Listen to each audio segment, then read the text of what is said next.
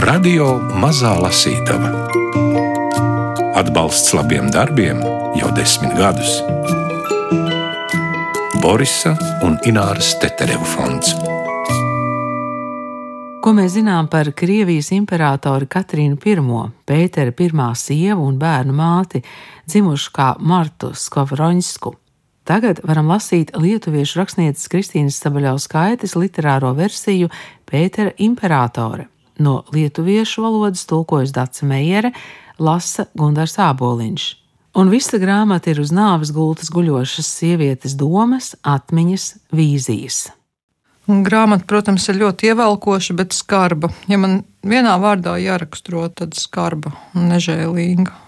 Varbūt es arī gaidīju kaut ko līdzīgāku silvrērumu, garajiem poetiskajiem teikumiem, garajām caku cakām, un tagad atver grāmatu, un tur ir mirstoša cilvēka aizdusa, saraustīta elpa, saraustīts domu plūdums, kurš tāds plūda, nu, vīgāks kļūst vienīgi tad, ja ir ieņemts miega zāles, un tad sapņa aiznes tādos garākos un plašākos teikumos, un citādi tā ir elpa, kas visu laiku ķeras un klepus, kas traucē. Tad, pirmajos mēnešos Maskavā, vēl daudz ko nezināju. Man vēl nebija zināmi daudzi notikumi un stāsti, no kuriem laika gaitā izveidojās pilnīga viņu, Aleksandra un Cāra pagātnes aina, taču jau bija dzirdējusi, ka viņš ar valdnieku kopā ceļojis, jau zināja, kas bija uz viņiem tik neizdzēšama iespaidu atstājusi lielā sūtniecība Eiropā. Aleksandrs man ne bez lielīga lepnuma jau bija stāstījis, ka valdnieka pirmā sastapšanās ar rietumiem, un šo vārdu viņš izrunāja īpašā balsī, it kā tas nozīmētu nevis debesu pusi un virzienu kartē, bet pilnīgi atsevišķu pasauli, esot notikusi tik līdz viņi izceļojuši no Livonijas kaut kur pie Palangas, smilšainajā Lietuvas kunigaitīs jūrmalā. Staigādams pa piekrasti, cars nonācis mazā zvejnieku ciemā un tur viņa izbrīnu izraisījušas neaizslēgtās mājokļu durvis. Uz žogu zedeņiem uzmauktie māla podi, kurus nevienam nenācis neprātā sadauzīt, puķes dārziņos pie mājām, vienkāršā kārtība un tīrība iekšpusē. Viņš tur neatradis neko lieku un nevajadzīgu, bet arī īpašu trūkumu nemanījis. Bijis redzams, ka zvejnieki cienījami, lepni un krietni pārtiek no sava grūtā darba. Lielu iespaidu uz viņu atstājuši spodri, balti un tīri, mežģīņoti un zvejnieku sievu rokām izšūti aizskari ik viens mājas logos, un tādus aizkarus tolaik nevarēja dabūt redzēt pat daudzos smalkākajos Maskavas namos. Aleksandrs atcerējās, kā cērs nolamājies un nikni cirtis ar špāgu pa zāli.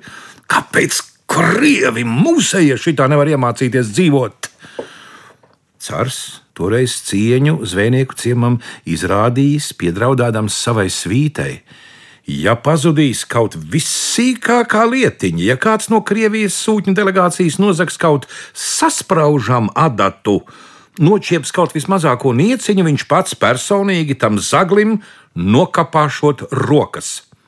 Bet tieši tāpat gadījies arī gluži pretēji, un te Aleksandrs vienmēr nosmējās, kad rietumi Un jo sevišķi to uzpūtīgā un ceremoniālā pārbagātība, visi tie etiķetes likumi, kad nezini, kuru kāju spērt un kā piedienīgi turēt rokas, ko no kuras glāzes dzert un kam kurš trauks un ēdamrīks paredzēts, izraisīja ceram bezspēcības sajūtu un vispār nelāgas izjūtas līdz pat traku dusmu lēkmēm.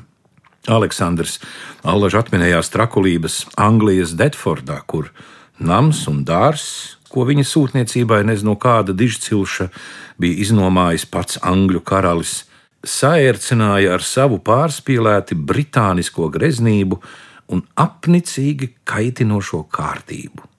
Uz beigām mēs to māju burtiski pārvērtām driskās, nokurinājām visus krēslus, portretus izmantojām kā mērķus šaušanai, bet dārzu vispār samalām pīšļos.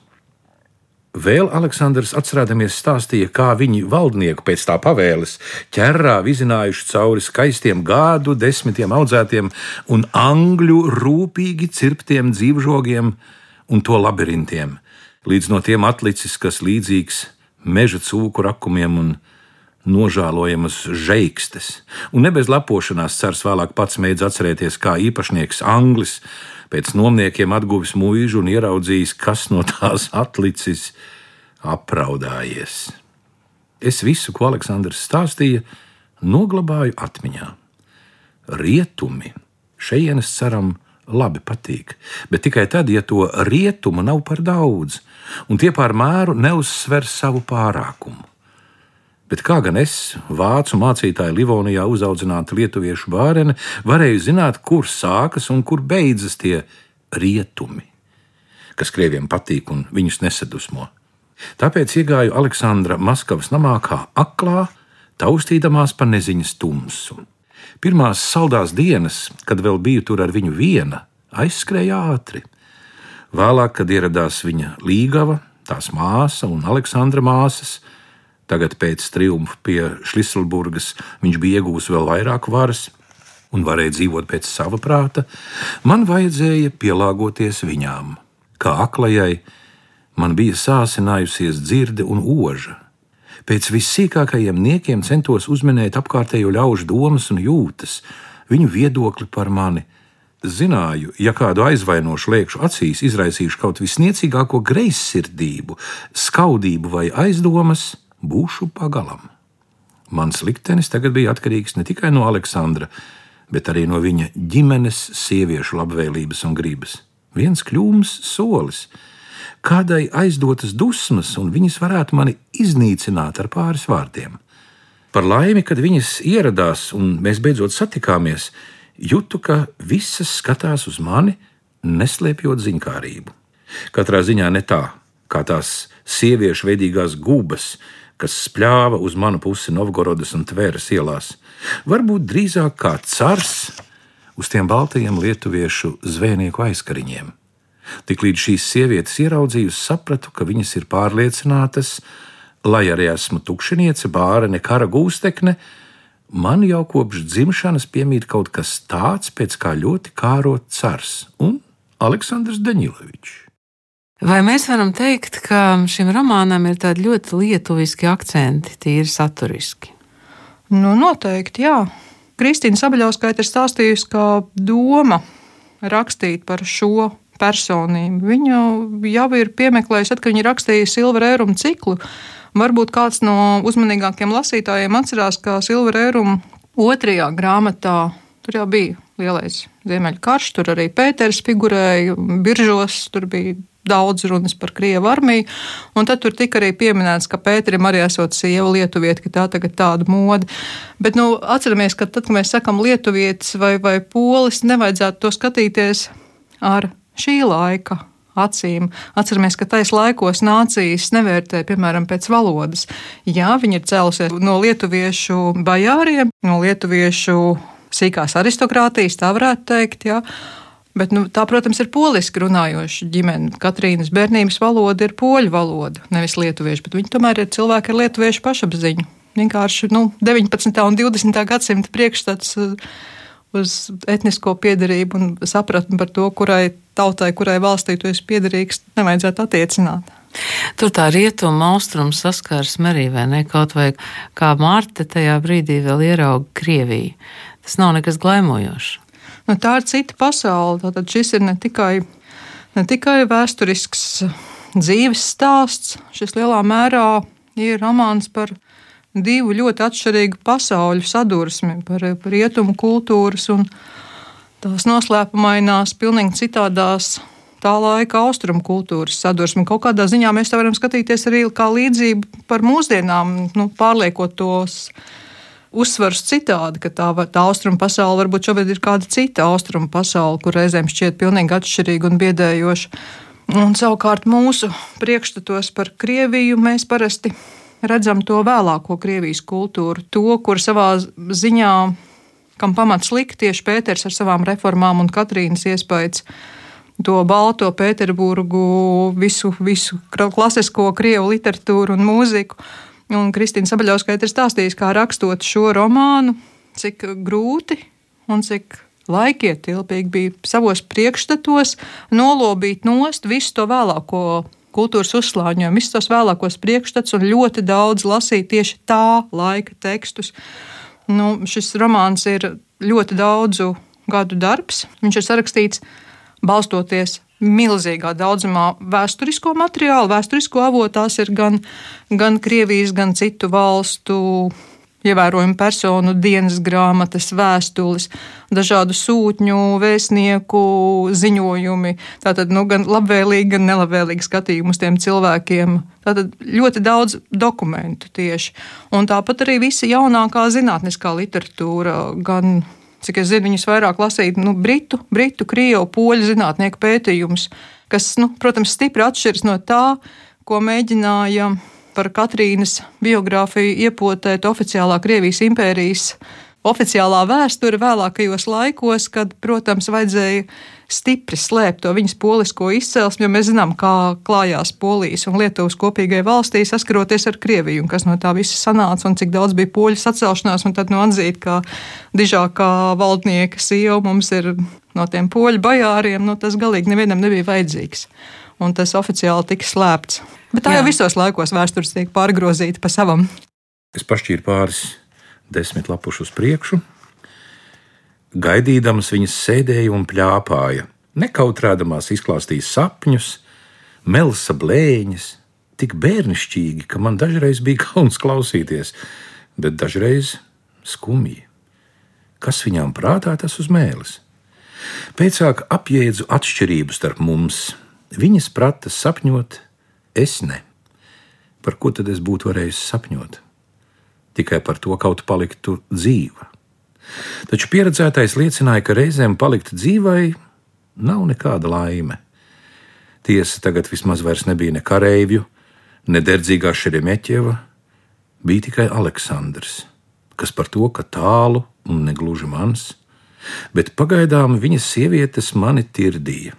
Viss viņas interesēja - Livonija, karš, Šliselburga, pilsētu sturmēšana. Atbildēdama vēl nedrošā krievu valodā, sargājos kaut nepaspruktu nekas liekas, nekas tāds, kas varētu viņus sadusmot, jo tie zaļi sarkanajos formas tārpos taču bija viņu vīrieši, viņu varoņi. Mūsējie, viņas mēdz teikt, visu paņems Mūsējie ir visdrošsirdīgākie, visus uzvarēs. Mūsējie jau atguvuši Liselburgu, Orešeku, atgūs arī visu Livoniju, jo tās, zināms, izsenis bijušas Krievu zemes, Krievijai piederējušas.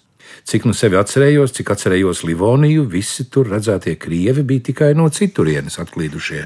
Vecticībnieku bēgļi, nekā krieviska, Livonijā nebija, bet ko gan es varēju viņam atbildēt? Viņas droši vien tikai atkārtoja vārdus, ko bija dzirdējušas no vīriešiem, varbūt no paša cara. Viņas bija to sievietes. To sarkanzaļo kareivu sievietes, bet starp tiem karavīriem bija tikai viens, par kuru spēju runāt bez naida. Savukārt to vienīgo vajadzēja pieminēt pēc iespējas mazāk, lai nerastos kādas aizdomas sevišķi var varai, jo bija redzams, ka viņai, cik skaistumu dievs atņēmis, tik prāta pielicis, viņa bija vērīga un attapīga. Stāstīja tikai to, kas nevarēja aizkaitināt vai aizvainot. Par auģu tēvu, par luteriešu mācītāju Gliku, kurš tagad droši vien ir te Maskavā. Tad viņas pasāka mani uzrunāt par Kaķerīna Gļukovna. Taču es paskaidroju, ka manu tēvu sauc Samuēls. Mans pirmais vārds bija Marta Skovroņska. Tagad visi dēvē par Katrīnu Višolovsku, bet tēva vārdā pie mums nevienu uzrunāt nav pieņemts. Tā es viņām kļuvu par Kaķerīna Vasiljevskaja, jo tā viņām bija daudz vienkāršāk. Un kāds parādās Cārs Pēters I? Pēters I parādās ļoti pretrunīgs, kāds viņš arī dzīvē bija. Viņš iemieso ļoti pretējs un pretrunīgs princips. Viņš ir gan tās vecās austrumu kultūras kaut kādā ziņā pārstāvis. Viņš ir pēc dabas ļoti nesavaldīgs un faktiski ar, varētu teikt, ar psihiskām novirzēm, un vienlaikus viņš ir tas, kurš visu šo milzīgo valsti velk, velk uz gaismu, uz izglītību, uz to rietumu pasauli, kurā viņš ir pusauģis gados iemīlējies, tā varētu teikt. Vienlaikus tās ir milzīgas pretrunas viņa dabā. Nu, un, protams, neaizmirsīsim to, ka viņš ir alkoholiķis. ļoti smagā formā. Tad šādā ziņā romāns ir arī stāsts par līdzatkarību, par, par alkoholismu, par dzīvi ar alkoholiķu. Tā kā es domāju, arī šādā ziņā, kā romānu par mūsdienām, to var lasīt. Viņa sejas vaipsti nebūtu neliecināja par valdnieka cildenumu, taču no tiem nebija iespējams novērst skatienu. Bija baigi, bet vienlaikus gribējās nemitīgi uz viņu raudzīties. Varbūt zinkārības dēļ, jo viņš bija tik neparasts. Tikko ienācis namā, viņš to pārņēma savā varā. Neviļus kļuva par visu noteicēju, viss itin kā sāka griezties tikai ap viņu. Protams, savs iespējas bija arī viņa milzīgajam stāvam, kur vien viņš griezās, līdzās viss izskatījās mazs, sarāvies sanīcis. Pat Aleksandrs, kad viņi abi iebrāzās viesistabā, Cars kā jokodamies un spēkodamies turēja viņa kaklu iespiedu salkonī, gandrīz vai pabāzi sev padusē, tad palaida vaļā. Aleksandrs iztaisnojās, bet tā arī palika sarucis mazāks. To es atceros no tās pirmās reizes, ka atnāca kāds blakus, kuram Aleksandrs, vīrietis, kurš man bija viss, kļuva mazāks. To tagad atceros pavisam skaidri. Pirmajā mirklī nodomāju, ka nevaru ciest šo atnācēju ja es būtu zinājusi, ar ko tas viss beigsies. Toreiz mēs ēdām, vakariņojām. Neatceros, kas tika celts galdā, atceros, šis skats man ir acu priekšā. Viņš ēda kā parasts cilvēks pēc smagas darba dienas. Atbalstījis alkoņus uz galda, alkatīgi plēsa gaļu ar pirkstiem, braucīja ūsas pret piedurkņu galiem, aplaizīja īkšķis, laucīja rokas manis mazgātā galdautā, un viņa dēlnes itin nemaz nebija karaliskas. Lielas, platām plaukstām, taču strupiem pirkstiem, kā šķiperim, galdniekam vai mūrniekam. Dzērām viņa iecienīto ungāru vīnu. Pie galda sēdēja viņi divi - Aleksandrs un Cārs, vēl daži gvardes virsnieki, kas bija ieradušies kā cara pavadoņi, un mēs, sievietes. Es lielākoties visiem pakalpoju, viņi plēsa jokus, dari tikai smējās, varka, reizēm ko atcirta, pārējās Aņīsja Marija Anna piekrītoši klanīja galvas un godīgi titulēja viesi par bāķušku mūsu Piotru Aleksieviču.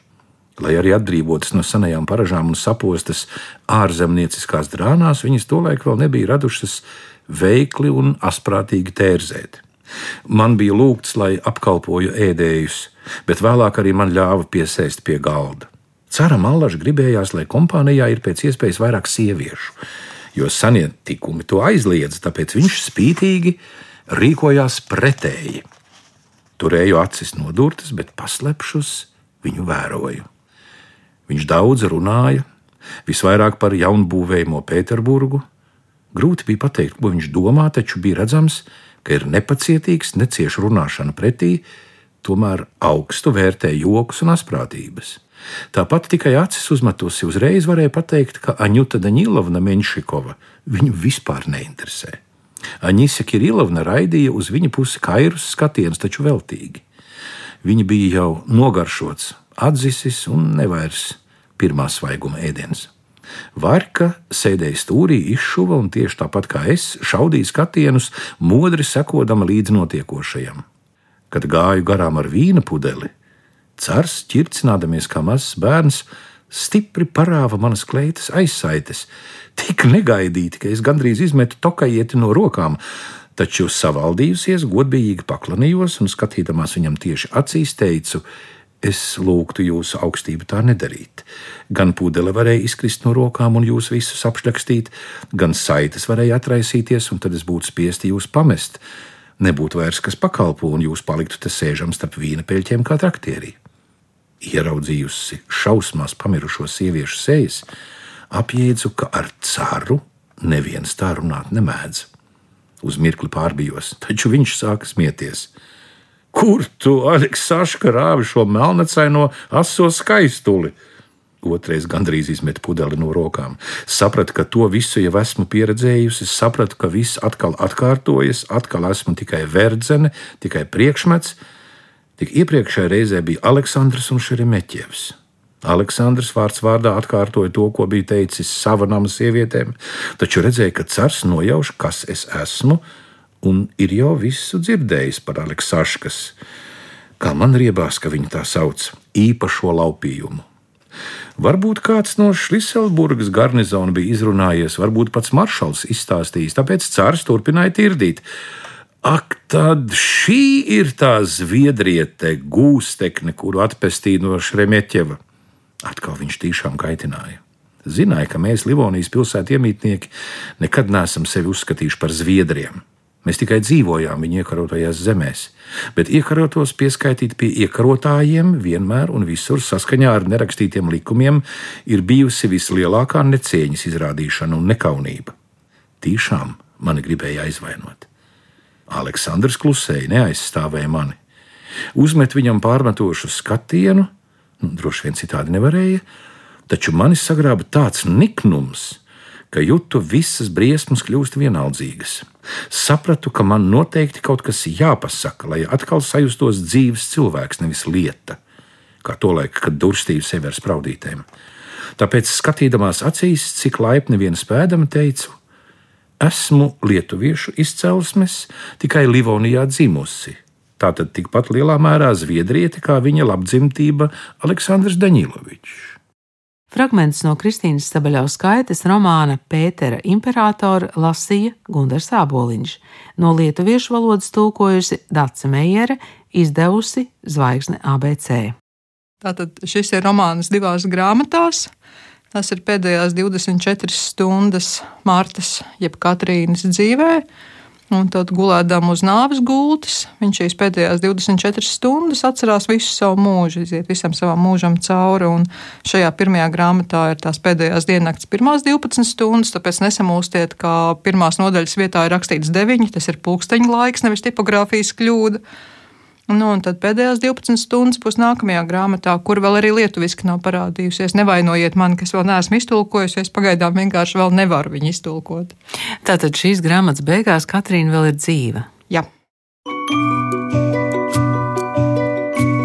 Radio Mazā Lasītava Atbalsts labiem darbiem jau desmit gadus.